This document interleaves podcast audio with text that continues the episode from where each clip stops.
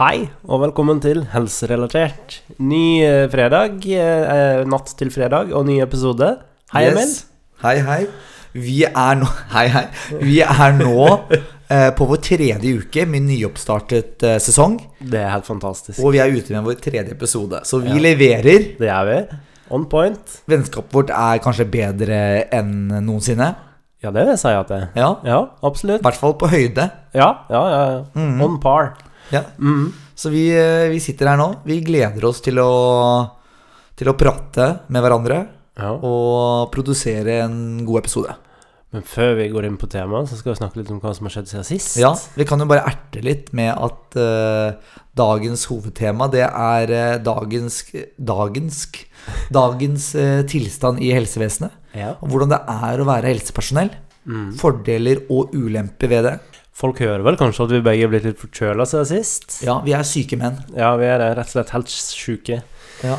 Får du noe omsorg? Ja, jeg får egentlig mest beskjed om å ikke snorke så fælt. Så det er liksom der omsorgen eh, er her i huset. Ja, blir du, blir du slått til på natta? Eller blir du snudd på natta, liksom? Eh, nei, men jeg får en vennlig påminnelse om å bruke masse nesespray. Ja. Og det fungerer veldig bra.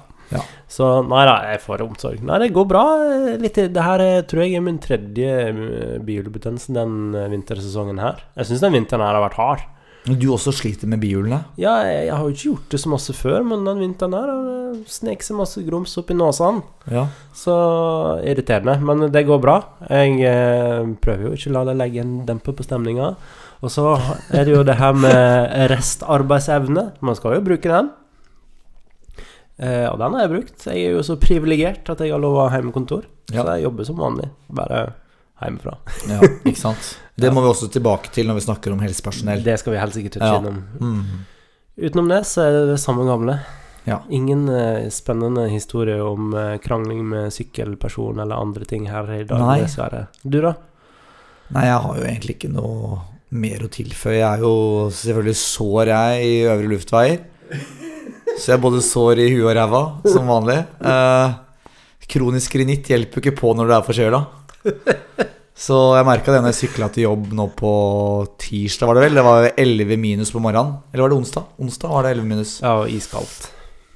Og det lugga i nesa. ikke sant? Det er bare krater der. ikke sant? Det er Mm. bare sår, sår og blod og snørr. Ja. Eh, og så sitter du på sykkelsetet og kjenner at du sår andre steder òg, ikke sant? Så er det jo Du føler at du lever, da. Hele fordøyelseskanalen. Ja. Begge ender. Uh, nei, så jeg lurer jo på sant, om jeg skal da utvide denne kronisk rinitt-diagnosen, eller uh, med da atopisk eksem eller eksem andre steder. Jeg vet ikke. ja. Fins det noe sånn opphold på feiring eller eh, LOL for sånne? Helt sikkert. Ja. Det fins et opphold for alt. Ja, Vi snakka vel litt sist episode om at det muligens er noe på Gran Canaria for folk med rinitt, eller kronisk rinitt. Ja, det tror jeg det er. For det er jo bra med litt sånn varm og fuktig luft. Ja. Hvis, jeg, hvis man får psoriasis, så vet jeg i hvert fall at det er en egen klinikk eh, ute på Gran Canaria. Ja, Hvor man kan bo. Mm. det syns jeg du skal søke på. Ja, Nei, det har ikke skjedd noe siden sist. Vi, vi går videre. vi går rett på temaet, vi. Vi går eh, direkte over på dagens eh, tema. Ehm, vi må jo bare si fra starten av at ingen av oss jobber på offentlige sykehus eller helseinstitusjoner. Nei. Du jobber i stiftelsen Organdonasjon. Ja. Og jeg er operasjonssykepleier, operasjonssykepleier på Aleris eh, Frogner. Privat sykehus. ja. Eh, så vi er jo litt utafor den offentlige Eller det offentlige helsevesenet, da. ja. Men vi har jo jobba i det før. Vi har fortsatt venner som jobber i det offentlige helsevesenet. Vi følger med i media. Mm. Så jeg føler at vi kan prate om det. ja. ja, sier du jo da, men man- vi kan jo det. Ja. Eh, Man kan mene mye om mye her i verden. ja. Ja. Uh, hvilke inntrykk har du nå, Thomas, av eh, tilstanden i det offentlige helsevesenet? Det er veldig masse Jeg føler det preger nyhetsbildet. Det er litt sånn Hver oppsigelse er førsteoppslag i eh, nettavisene. Eh, og det er litt mer sånn eh, For å være helt ærlig, jeg blir litt matt av at det er så masse fokus på det. Og så veit jeg jo at eh, det Altså, det er jo en grunn til at det her kommer fram. Det er jo hardt å jobbe i, i helseomsorgen akkurat nå. En ser jo at eh, Hvis Nå husker jeg ikke antallet, men 15 stykk sa opp på én dag på Thorax. Ja. Da er det jo liksom Men så føler jeg at bak der så ligger det sikkert noe annet. Det her er jo som en slags forlengelse av at det skal slås sammen, og ting skal koordineres mellom OS og Rikshospitalet. Jeg føler at liksom bak enhver sak som ligger det ting som ikke kommer fram til oss. Så blir jeg litt sånn nysgjerrig på hva er det Altså, hva er den hele historien, da? Ja, ikke sant? Fordi man ser bare en overskrift. Man ser en tillitsvalgt uttale seg. Mm. Og man ser kanskje en direktør eller Ja. avdelingsleder uttale seg, men du får jo ikke disse viktige punktene som kanskje er de egentlig bakenforliggende årsakene. I dag så er det en sak i VG om eh, Aleris, faktisk, der jeg jobber. Ok. Svenske kvinner får behandling her i Norge. Norske kvinner i kø. Fullstendig absurd, står det. Det er overskriften. Mens norske kvinner må vente ett til to år på gynekologisk kirurgi, kan, kan kvinner fra Värmland i Sverige få behandling på private sykehus i Oslo på det offentlige, på det offentliges regning. Så på Aleris nå så har vi jo da pasienter fra Sverige som kommer og får behandling fordi det er så lange ventelister i Sverige. Mens her i Norge så er det ikke samarbeid mellom det offentlige og private i så stor grad. Mm. Så det mener jo folk er litt rart, ikke sant? Mm. At svensker kommer hit, og mens Ja. Mens, mens her så må, jo- nå er det jo ekstremt fokus på kvinnehelse her til lands også, og det er superbra. Og da er det jo litt rart at norske kvinner må vente opptil to år for en gynekologisk eh, operasjon. Nå føler jeg at det neste du skal si, er at Og det er fordi at det offentlige ikke vil samarbeide med det private. Altså, det, Ja. det jo bidrar jo til det, Ja. at det er så lang ventetid. Ja, for så er det jo veldig lang vente, ventelister pga. korona, ikke sant. Fordi under korona så prioriterte man jo ting som hasta veldig, liksom. Det haster jo med en brokkoperasjon og, og gynekologiske operasjoner også. Mm. Men man tok jo det som brant mest. Ja. Men det her er jo da folk som går eh, sjukmeldte, ikke sant. ja. Eller og har eh, sterkt redusert livskvalitet Mm. og har problemer. Men ja, det er generelt eh, mye å gjøre i helsevesenet i det offentlige nå i Norge. Det er eh, lange ventelister, det er utslitte ansatte, det er mye skriving om det i media. Mm. Og jeg tror ikke at det gjør saken bedre, kanskje. Du, hvis du jobber et sted, da, og det er mye snakk om hvor misfornøyd man er, og man leser om det i avisa, og alt fokus liksom rundt jobben din blir negativt, Mm. og fokus på det negative, så så inspirerer ikke det så mye, akkurat. Nei, det gjør det jo ikke. Men det er jo samtidig noe man må snakke om for å få forbedra systemet, da. Sånn som vi hadde jo denne eh, Brennpunkt-dokumentaren om eh, eldreomsorgen. Mm. Og den var jo ganske heavy. Så du den noen gang? Ja, ja, jeg så begge Ja. episodene. Og det, og da skjønner man at noe er feil. Ja, man gjør jo det, og det er litt sånn Jeg vet ikke. Man har jo visst at det er underbemanning, og at det er altså krise i lang tid, og man leser om det, og så kommer det sånne varslingssaker som f.eks. de som ble portrettert der, da, i den Mm. lille kommunen som jeg ikke husker hva var, der det var helt krise. Og Men så dør det bort, og så er det noe nytt, og så eh, har man jo heller ingen reell streikemulighet. Altså, det er så mange ting Ja. inni det. Det er superkomplisert, og vi sitter på ingen måte på noen fasit. Men, eh, Men sånn som tittelen på episoden, da, 'Sytepleier' ja, syter uh, sykepleiere for mye, syns du? Det er jækla vanskelig å svare på. Det kommer litt an på, kanskje. ja. Jeg tenker at vi med NSF så er jo sykepleiere en ganske bra, bra gruppe, eller en kraftig gruppe, da. Som måtte ha mye Har sånn relativt høy status. Vi vil ikke- si at sykepleiere er en, er en yrkesgruppe med høy status, men sånn relativt høy status, da. Mm. Høyere status enn lærere når det gjelder hvor mye man kan klage eller si fra om ting. Mm. Eh, sånn under streiken for lærerne nå, som var eh, Var det i fjor en gang? Mm. Så var det ikke akkurat mye sympati og medlidenhet med lærerne. Nei. Det var jo Jeg husker jeg så på nyhetene, og så sto det en far og prata med en journalist og sa sånn Nå må lærerne tilbake på jobb. Sønnen min har spilt PC tre dager i strekk. og man liksom Man føler liksom at ok, lærerne De skal man forvente er på jobb 24-7, og de skal også da være med å oppdra barna. Mm. Sånn som han fyren hadde jo null ehm, han, han mente jo at det var lærernes problem at ungen hans satt og spilte 24-7 under den streiken. Litt lite sjølinnsikt på han. Har ikke han altså. faren, Mm. faren noe han skulle sagt, liksom? Ja, det, jeg føler jo det her òg gjelder de som uh, jobber i barnehage òg, sant. De òg skal jo da være der fra sju til fem. Man Ja. skal kunne levere i liksom første Med en gang barnehagen åpner. Man skal Ja. kunne hente helt på tampen, eller kanskje en time etterpå. Da er det bare en billig barnevakt.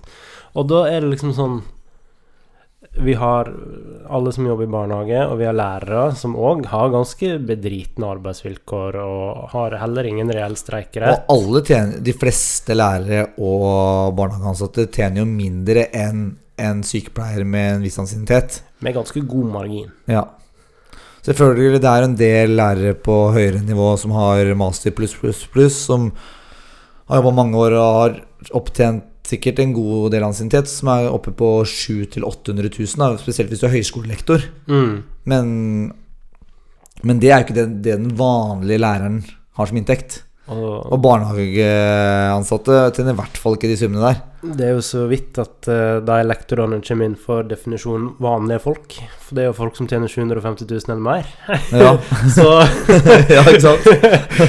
Men uh, ja, jeg, jeg vet ikke. Jeg føler litt sånn Vi har jo visst at vi skal snakke om det her en stund, og så er det sånn Ok, syter sykepleierne for masse. Og så prøver jeg å tenke sånn tilbake på når vi studerte og sånn, og hva var det vi, vi liksom tenkte. Så er det sånn Vi snakker om det her med lønn i himmelen, og vi snakker om motivasjonen for at du velger å bli sykepleier og sånne ting. Sant? Du veit jo at du ikke kommer til å få verdens mest best betalte jobb med de beste arbeidsvilkåra. Mhm. Og så blir det begynner automatisk å tenke på det George Carlin snakker om i den sketsjen sin, om de som bygger hus i Pompeii rett ved en vulkan og lurer på hvorfor det er lava i stua si.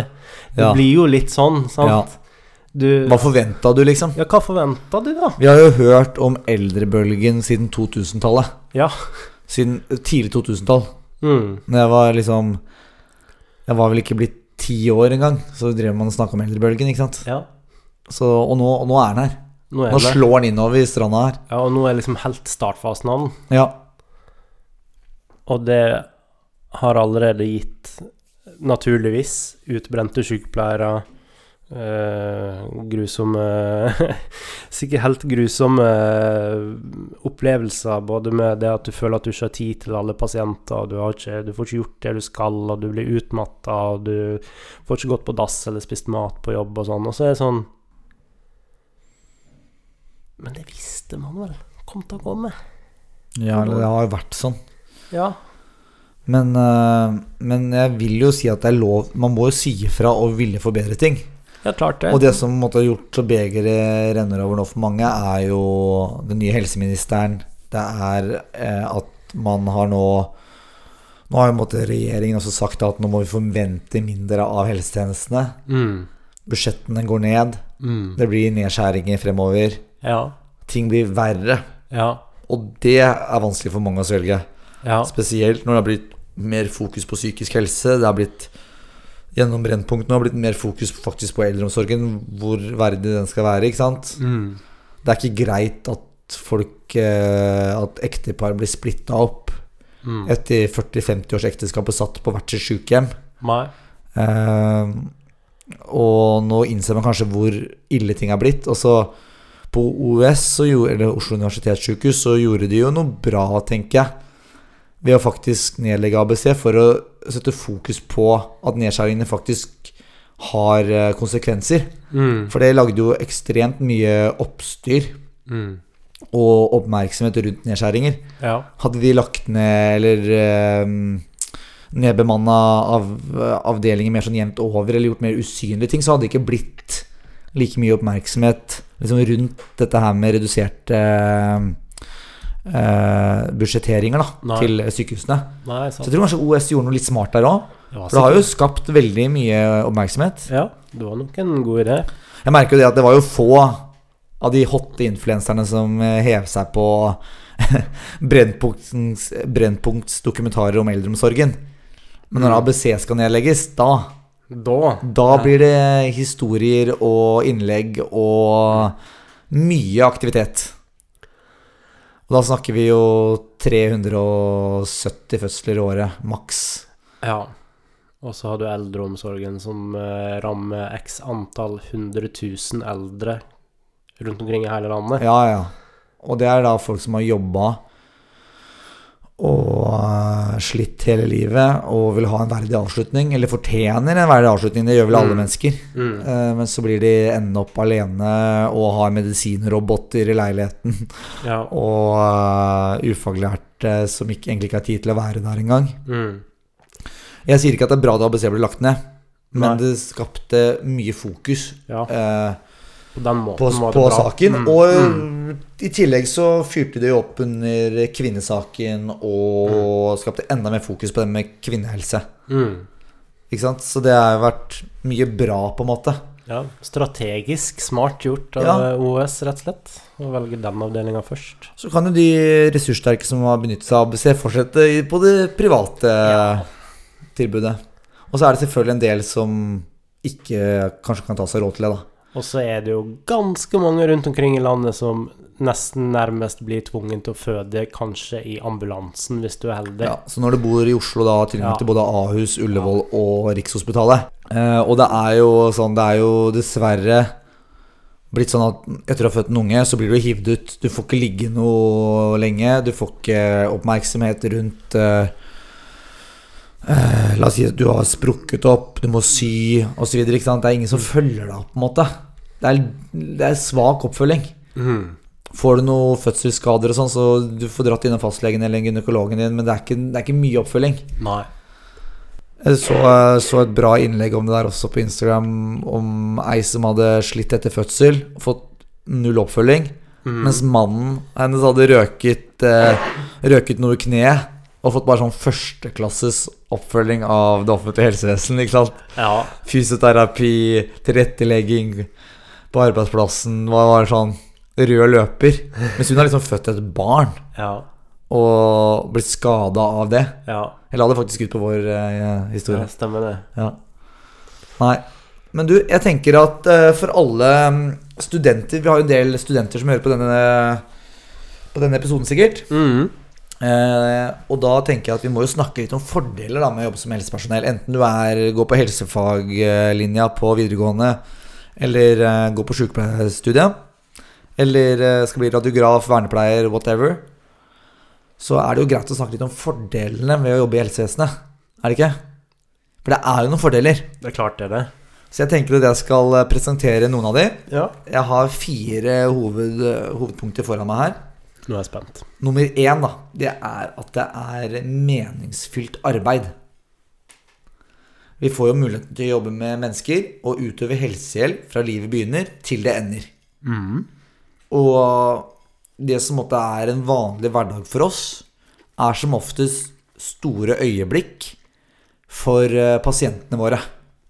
En pasient opereres ikke hver dag. En pasient føder ikke hver dag. En pasient har ikke en sengeliggende eh, Ok, det ble feil. En pasient men, men, du, men du skjønner, Ja, er liksom, vi, er, vi er der i viktige øyeblikk i pasientens liv. Selv om det er hverdag for oss, så er det ikke hverdagen for pasientene. Det er ofte unike øyeblikk.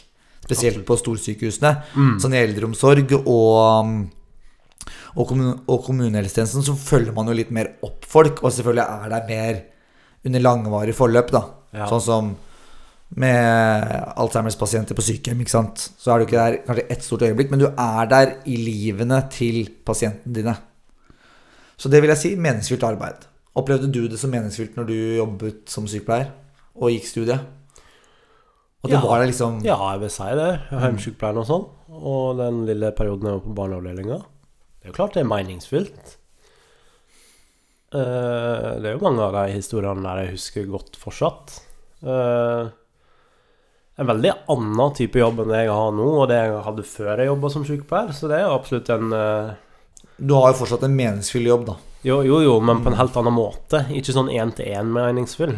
Sånn overfor pasienten. Nei, nå er det mer overordna. Ja, nå er det litt mer sånn Ja, få til kule ting, men ikke sånn Jeg føler ikke påvirker livet til en enkelt person så direkte som jeg gjorde når jeg jobba i helsevesenet. Nei. Og det er jo det fine ved det, på en måte. Sånn. Det å jobbe med folk. Mm. Og se resultat der og da. Ja, fordi det blir jo på en måte et underpunkt der, faktisk. Ja. Du får jobbe med mennesker. Ja. Du har en hverdag hvor eh, Det er også en ulempe, selvfølgelig. Du har en hverdag hvor du hele tiden er sosial med Mm. både kollegaer og pasienter. Eh, du må på en måte ha et smil rundt munnen. Du må orke å prate hver dag.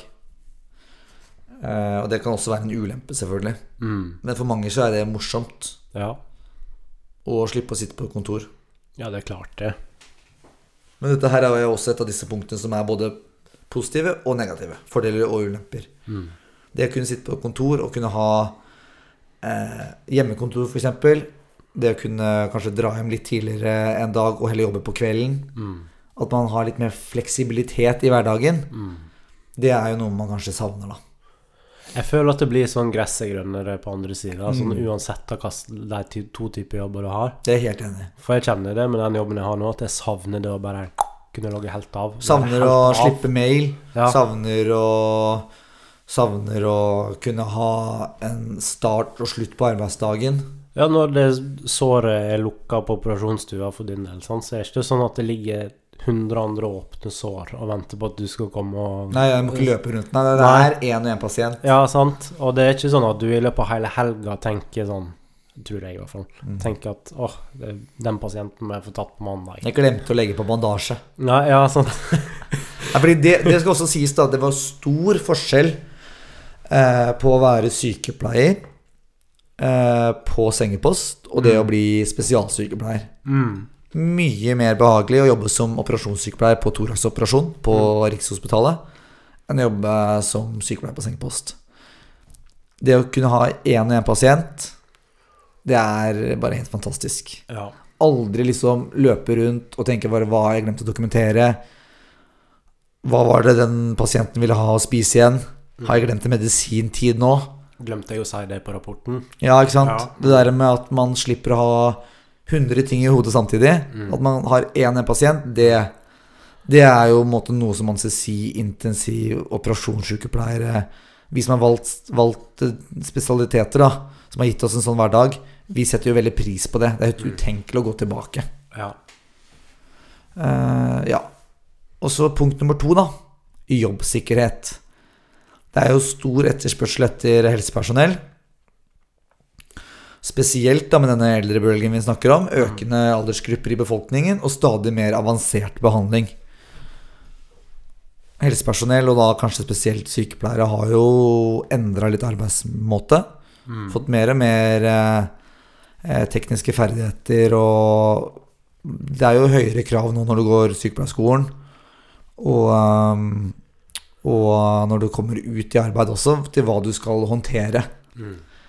Så du er sikra jobb, da. Du får uansett jobb som sykepleier. Ja. Det er, jo, det er jo en fordel, i hvert fall nå i denne litt usikre økonomien og Ja, jeg vil jo tenke det. At det er det. Det er jo mange som har eh, både seks og sju og åtte år på universitetet uten å ha funnet seg nærmeste ting å jobbe som.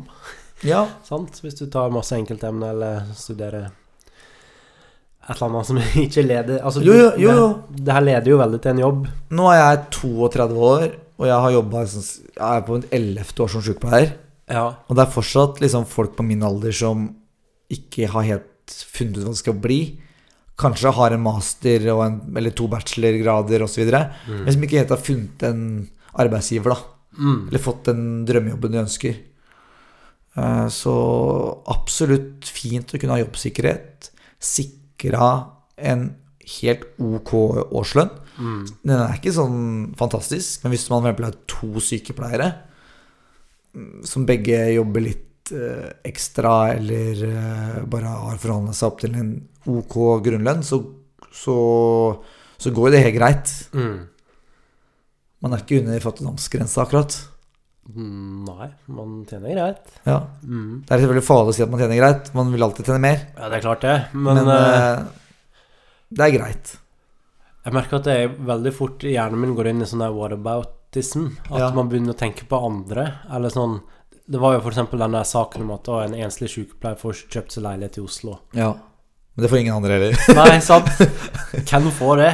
ja. Ikke oss vanlige folk, i hvert fall. Nei. Og det er litt sånn Jeg veit ikke. Nei, det er jo bare sidespor, men bare ikke være enslig er vel et råd. Det ja, også ikke kun ha Grünerløkka bydel eh, på Finn når du ser etter Nei. bolig. Selvfølgelig, det er jo ganske dritt å måtte flytte opp hit til Oppsal, men uh, har du ikke råd, så er det for å gå for det. Eller på Tøyen. Eller Veitvet. Vi vi går videre. Ja, Eh, det tredje punktet, det er at man har mange muligheter. Det høres jo kanskje litt provoserende ut for de som er møkla av jobben sin akkurat nå ikke ser noen form for muligheter. Mm. Men man har mange muligheter som sykepleier. Man kan ta Har stemmen begynt å ruske litt nå? Ja, man har mange muligheter som sykepleier. Ja. Man kan eh, ta spesialiseringer innenfor ulike fagområder. Ja. Man kan jobbe litt utenfor det man tror er mulig. Man kan begynne å jobbe med forsikring. Man kan begynne å jobbe som helsefaglig rådgiver, eh, for i, eh, i FHI eller Helsedirektoratet. Man kan jobbe for Kreftforeningen, Stiftelsen Organdonasjon. Man kan gjøre forskjellige ting. Mm. Og det som er så kult med sykepleiestudiet, syns jeg, eller eh, det å være sykepleier, er at man må ikke låse seg innenfor en spesialisering. Det må du ikke som lege heller, men det tar så innmari lang tid å få kompetanse og tilstrekkelig med skole innenfor en spesialisering. At det er ofte ikke sånn at en proktolog blir thorakskirurg i samme liv. Nei, det er sant. Mm. Nå tror ikke jeg på flere liv heller, men du skjønner. Jeg skjønner veldig godt hva du Ja. Blir du urolog, så er du urolog. Blir du ortoped, så er du ortoped. Ja, du, Mm. kanskje du går over og blir fastlege, Ja, men du, du velger mot ett spor, da. du er litt mer låst. Eh, Men som sykepleier så kan du kanskje jobbe fire-fem år på sengepost. Du kan bli operasjonssykepleier, jobbe to-tre år på operasjonsavdeling. Finne ut at nei, det er ikke noe for meg. Bli anestesi, jobbe litt som anestesisykepleier. Du kan uh, plutselig bli helsesøster. Eller bare gjøre noe helt annet. Begynne offshore, ikke sant. Mm. Du har så mange veier du kan gå. Mm. Det må være en fordel. Det tenker jeg må være en veldig fordel.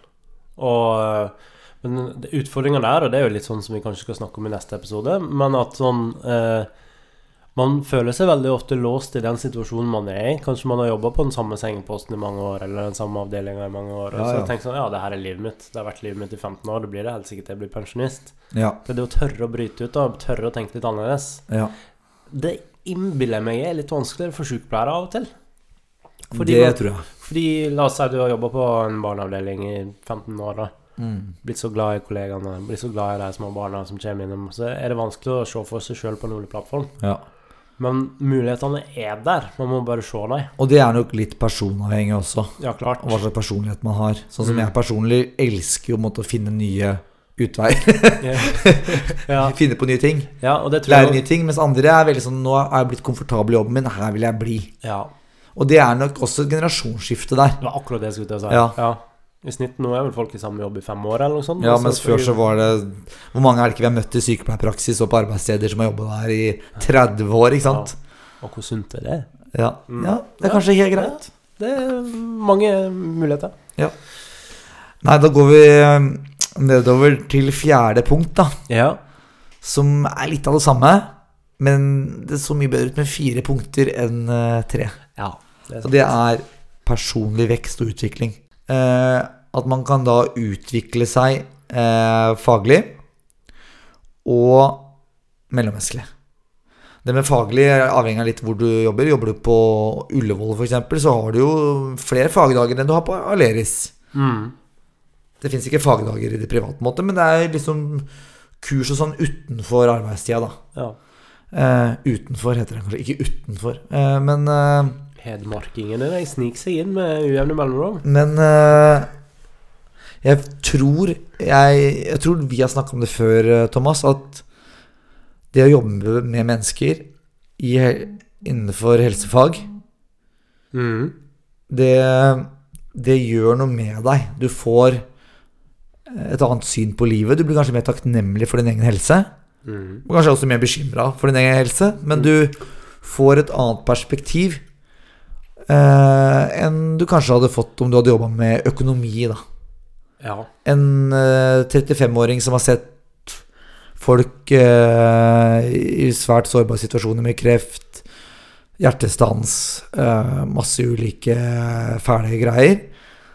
Har kanskje et annet syn på livet enn den sunne, friske 35-åringen som aldri selv har vært syk, aldri har hatt noen i familien som har vært syke, og ikke har jobbet med syke. Mm. Jeg, jeg tror liksom at man får et litt annet syn på livet, da. Men det er, nå er jeg selvfølgelig eh, ikke helt objektiv der. Nei. Og så kommer det jo litt an på personen om det er en positiv eller negativ ting. Ja. Sånn, For noen er det sikkert jækla deilig å aldri ha sett de tingene der, og hadde aldri hatt interesse av det, men det er en veldig fin ting å ha sett. Altså å ha vært i de her situasjonene. Det er masse vekst i det som man får på det personlige plan, men ikke på kontoen. Ja, Ja. ikke sant? Nå høres vi ut som en sånn mellomleder da, som, sier til, eh, som, som sier til sine ansatte under lønnsoppgjøret at bare Sorry, vi har ikke noe mer å gi dere, men tenk så mye du får utvikle deg personlig. Ah, det Og mellommenneskelige. Ja. Tenk så heldig du er som får lov til å jobbe her. Ja. Det er så spennende her. Men en siste avslutning da vedrørende det temaet her, Mm. om fordeler med å jobbe som helsepersonell. Jeg tror det er lett å si sånn Jeg har valgt å bli sykepleier, eller jeg kunne lett ha valgt noe annet og blitt flink innenfor det. Men jeg, vet ikke helt hvor frivillig det er. Jeg tror kanskje noen har mer dragning mot sånne mellommenneskelige yrker enn andre. ja. Det er ikke sikk... Ja, i, din, i ditt hode så kunne du blitt advokat eller IT-konsulent, men det er ikke sikkert. Nei. Det er ikke sikkert det faktisk hadde vært noe for deg. Nei. Jeg vet ikke. Åpent spørsmål. Åpen mening. spørsmål. Ja. Yes, ulemper da med å jobbe som helsepersonell. ja. Turnusarbeid, Ja. det er number one. Ja. Mens folk er hjemme i jula, feirer med de de elsker, så må du sitte på jobb. Du får, men det er også en fordel med det, for du får jo 133% overtid. ja. Eh, og noen liker jo ikke jula, Thomas. Og andre liker ikke, liker ikke familien sin. Eh, eller svigermor. Så da kan man jo heller være på jobb. Da er det, det jo vinn-vinn. Det kan være en fordel. Ja.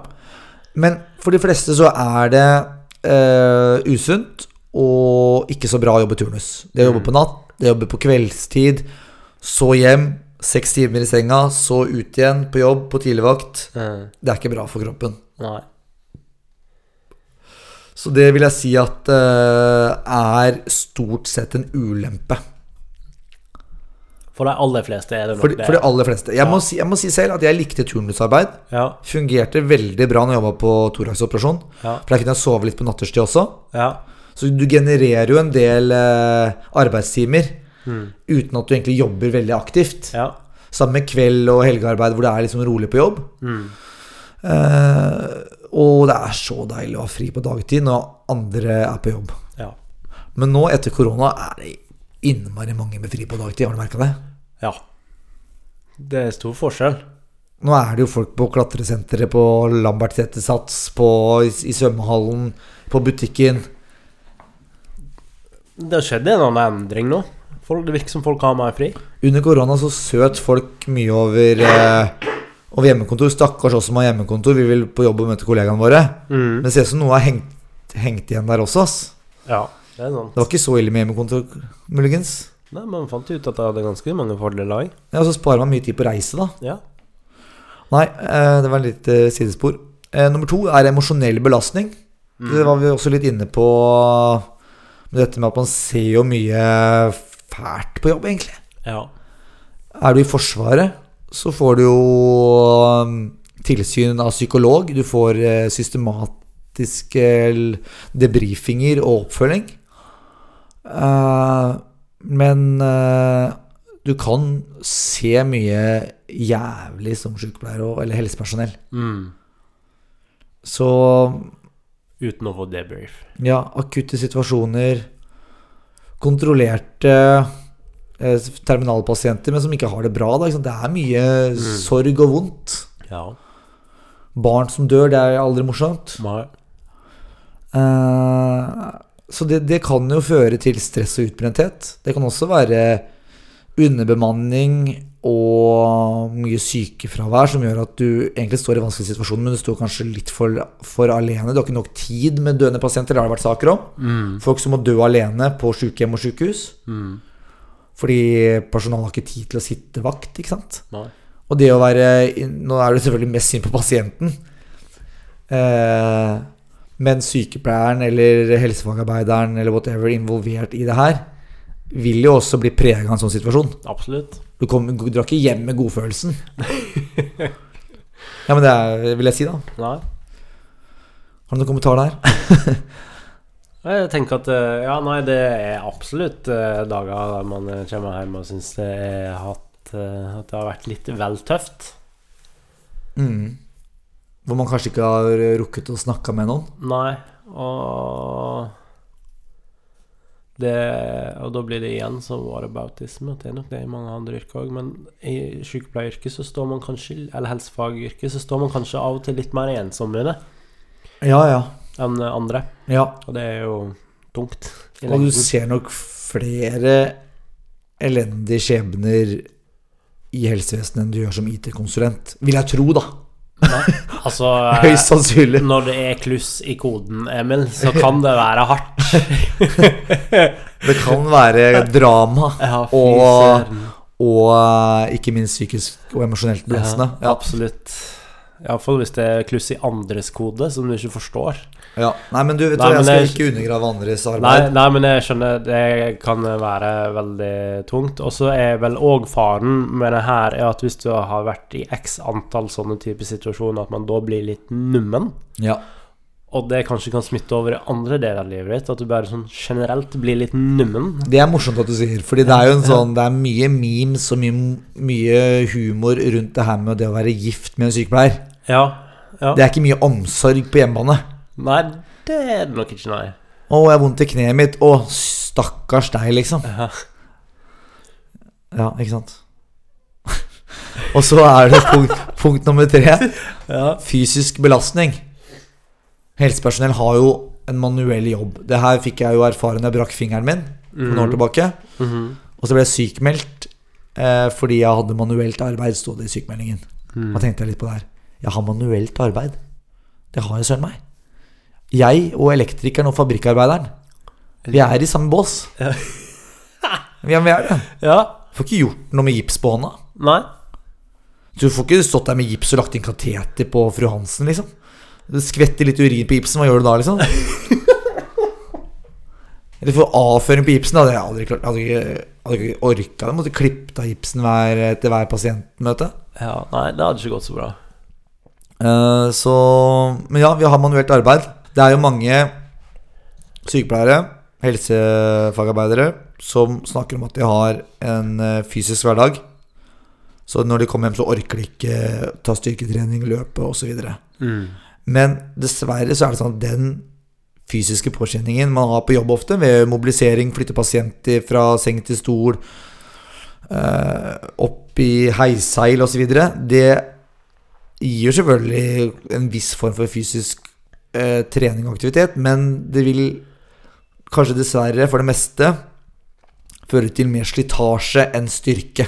Ja. Liksom en riggemor som har flytta 50 000 pasienter totalt i løpet av sin eh, yrkeskarriere, Mm.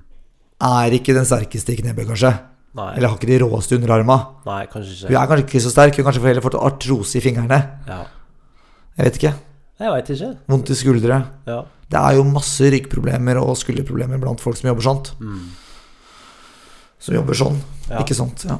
Uh, det er noe jeg har tillagt meg nå i denne episoden, her at jeg begynner å liksom rette på mine egne feil, grammatiske feil, underveis. Ja. Så jeg slipper å sitte og irritere meg over det når jeg hører gjennom episoden. uh, ja. Hadde du, vært utsatt for noe fysisk eh, arbeid når du var sykepleier? Du jobba litt med barn. Det var ikke så tungt, kanskje, men eh, på, hjemmesykepleien var det noe ja det Tunge løft? Ja, det kunne jo være det, ja. Ja. er jo en del av det. Og så er det jo litt sånn at siden at man er mann, så er det jo fort gjort at du får de tyngste løfta. Fordi man bare antar at du er sterk. Helt sant. Helt sant. Eh, og ja, så det var noen tunge løft. Jeg har båret noen damer ut av dusjen og sånn. Ja. Så, ja.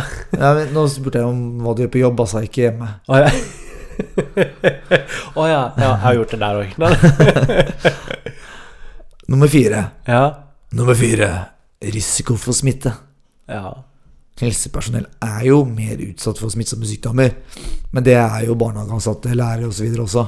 Ja. Det så du jo under korona. Ja. At uh, nå, nå sa stemmen min ha det bra. ja. Det var Det var jo eh, Det var jo sånn at lærere og helseperson Nei, lærere og barnehageansatte De følte seg jo ikke veldig, veldig trygge under pandemien. Nei. Sykepleiere på jobb gikk jo da med fullt beskyttelsesutstyr. Ja. Mens, mens kona mi og din samboer dro jo på jobb eh, Med helt vanlige klær. med helt vanlige klær. Og de Ja. skulle ikke bruke munnbind, Fordi det var jo skremmende for barna. Nei, og Hvis ungene ville ha en klem full av snørr, så skal de få en klem Ja. selv om de er fulle av snørr. Ja. Men selvfølgelig, det er stort sett litt mindre fare for tuberkulose, hissige stafylokokkinfeksjoner osv. I barnehage og på skole kanskje enn det er ja, på sykehus. da Kanskje. Ja.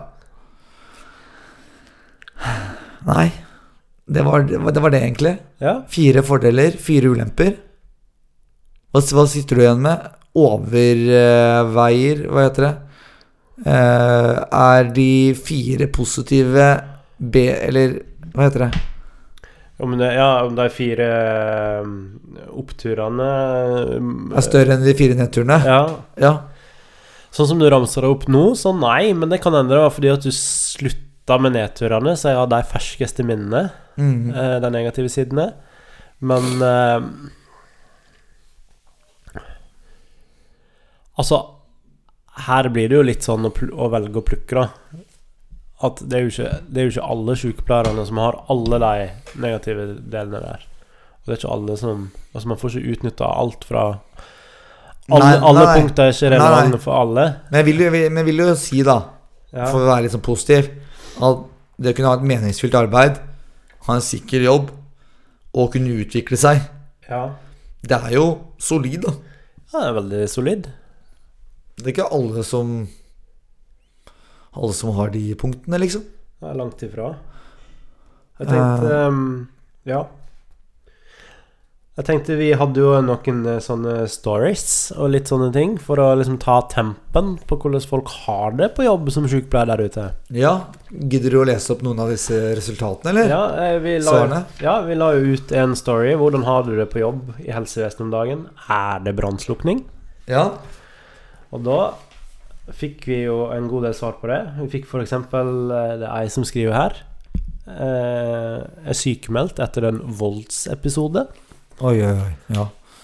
Jeg tror ikke det er så mange bibliotekarer som er sykemeldt etter voldsepisoder. Nei. Men eh, Så det er litt sånn det, det er jo en ting som kan skje når man jobber i helsevesenet, dessverre. Og i psykiatrien sikkert oftere enn eh, andre plasser, eller Ja. Det er faktisk litt blant lærere, har jeg skjønt. Ja, det Men, vil jeg jo eh, tro. Og sikkert Det er kanskje ikke barnehageansatte. Altså, det kan, Hissig toåring. det kan bli vondt, det òg, men jeg Ja. tror nok dessverre at det er forekommer i helsevesenet litt oftere enn Det vil jeg tro. i mange andre yrker. Ja. Eh, og så er det en som skriver Jeg er dessverre blant de som har flykta over til en mer administrativ stilling fordi jeg ikke orka. Jeg tviler på at den personen er aleine om å være i den situasjonen.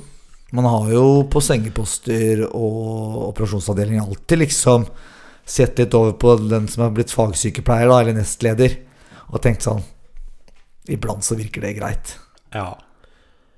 Det er klart, det. Litt mer behagelig. Løftet ut av klinikken. Inni en eh, dagstilling. Ja. Ja. Men så er det jo igjen, da. Gresset grønnere der du vanner det, eller der du ser Altså sånn ja, ja, jeg er helt enig. Men det er litt begrensa hvor masse man får gjort som en sykepleier i tredelt turnus med arbeidsmiljøet, har jeg inntrykk av. Ja. Det er litt sånn status quo rundt omkring, og da skjønner jeg veldig godt at mange velger å flykte. Problemet er jo at hvis alle velger å flykte, så blir det jo bare verre for de som står igjen. ja, ja, absolutt. Så er det en annen som skriver her. Forferdelig kaos, stress, altfor mye brannslukking, overtid og frustrerte tårer. Det er sikkert et eh, bra øyeblikksbilde av hvordan det kan være som sykepleier eh, om dagen. Mm. En som skriver Jeg jobber på legevakta, alltid fullt, alltid for mye å gjøre, nettopp nedbemannet, ingen vet hvorfor. Mm. Det Det, det, det er gøy. Legevakta, akuttmottak, sånne steder er jo notoriske for å ha altfor mye å gjøre. Ja. Det er, og det vet man jo selv hvis man har vært på legevakta. Hvor lenge man må vente.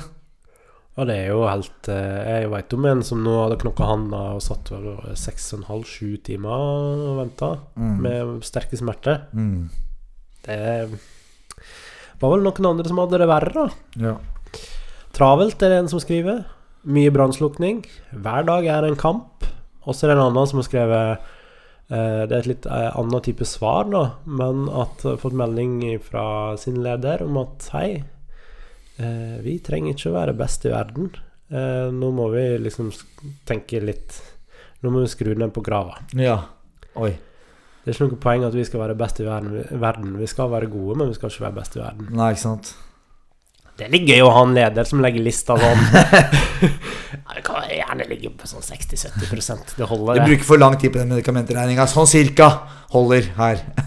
Men jeg tenker sånn Skal Altså sånn Hvis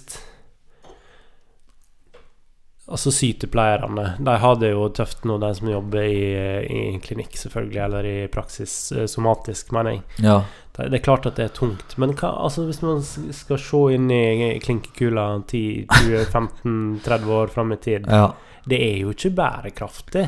Det er, jeg føler litt sånn Jeg hørte fra en person om at nå jobber ca. én av fem i helsevesenet. ja. For at, man, for at det ikke skal kollapse, så i 2030 så må én av tre jobbe i ja. helsevesenet. Og én av tre kan jo ikke være sykepleiere. Vi må jo ha flere helsefagarbeidere inn på sykehus. Ja.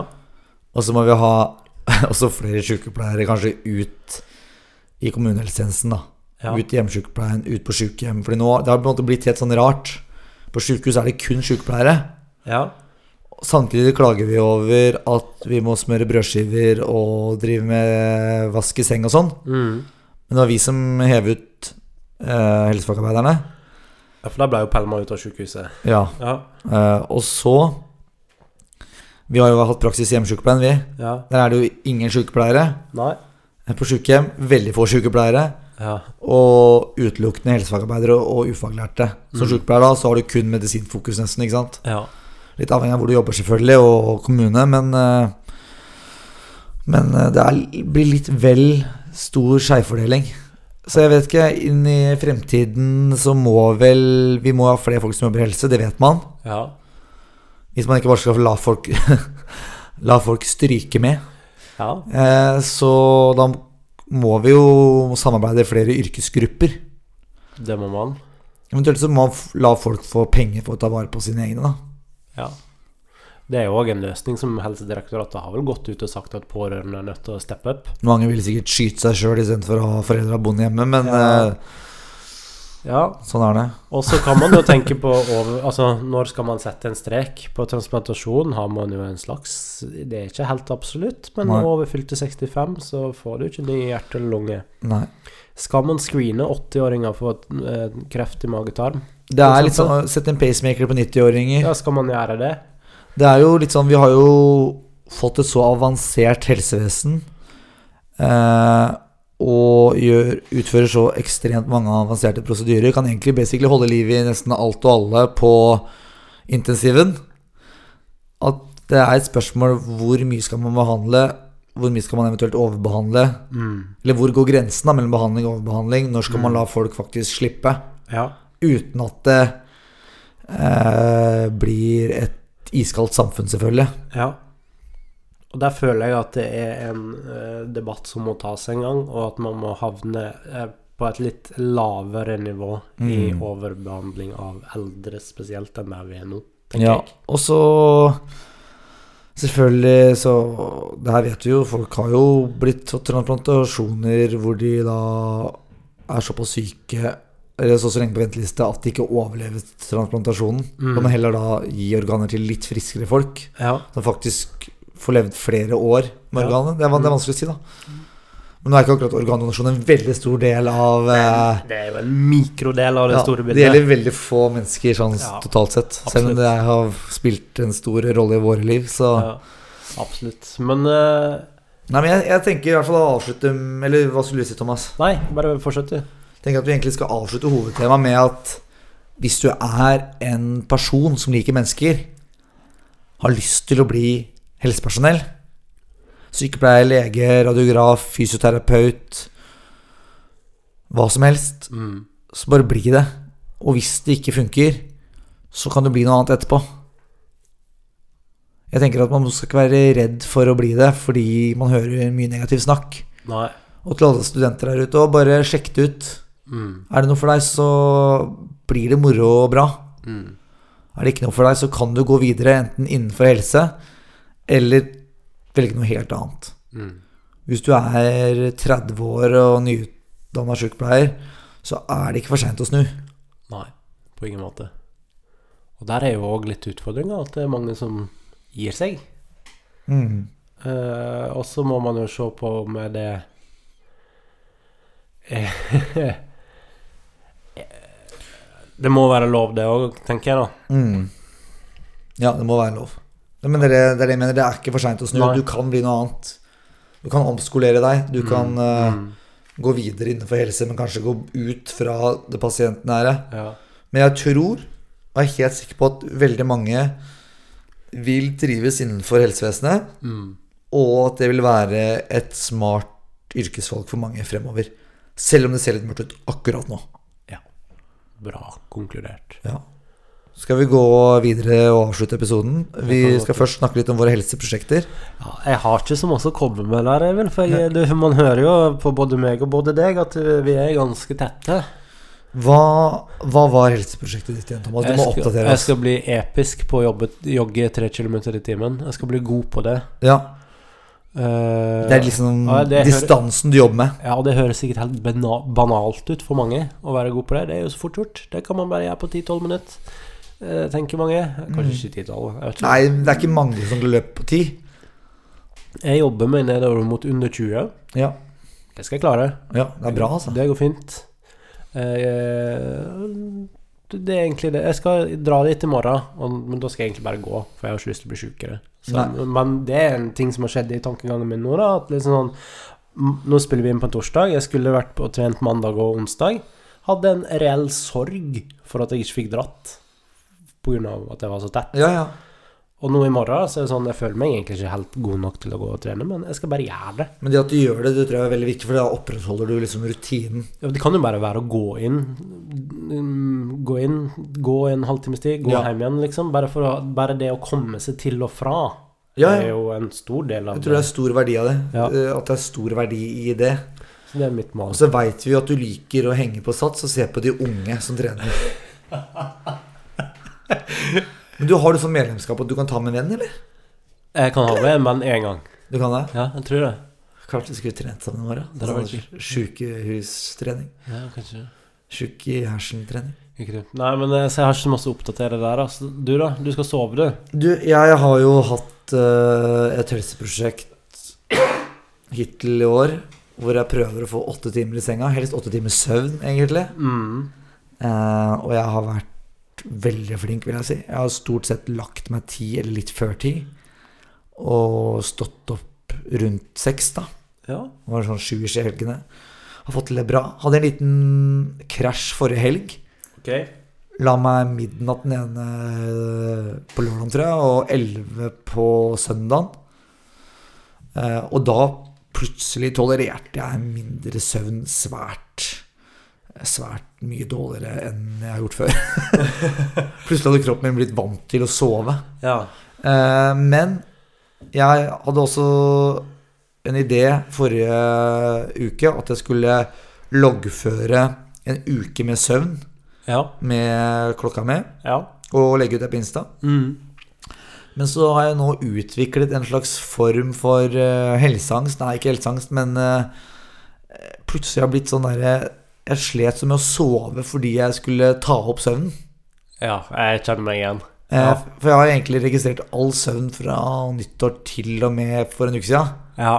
Men så har det blitt sånn at jeg har hatt en regel med at når jeg våkner, så skal jeg sjekke med meg selv hvordan har du sovet. Mm. Hvordan tror du at du har sovet? Og så sjekker jeg klokka. Ja.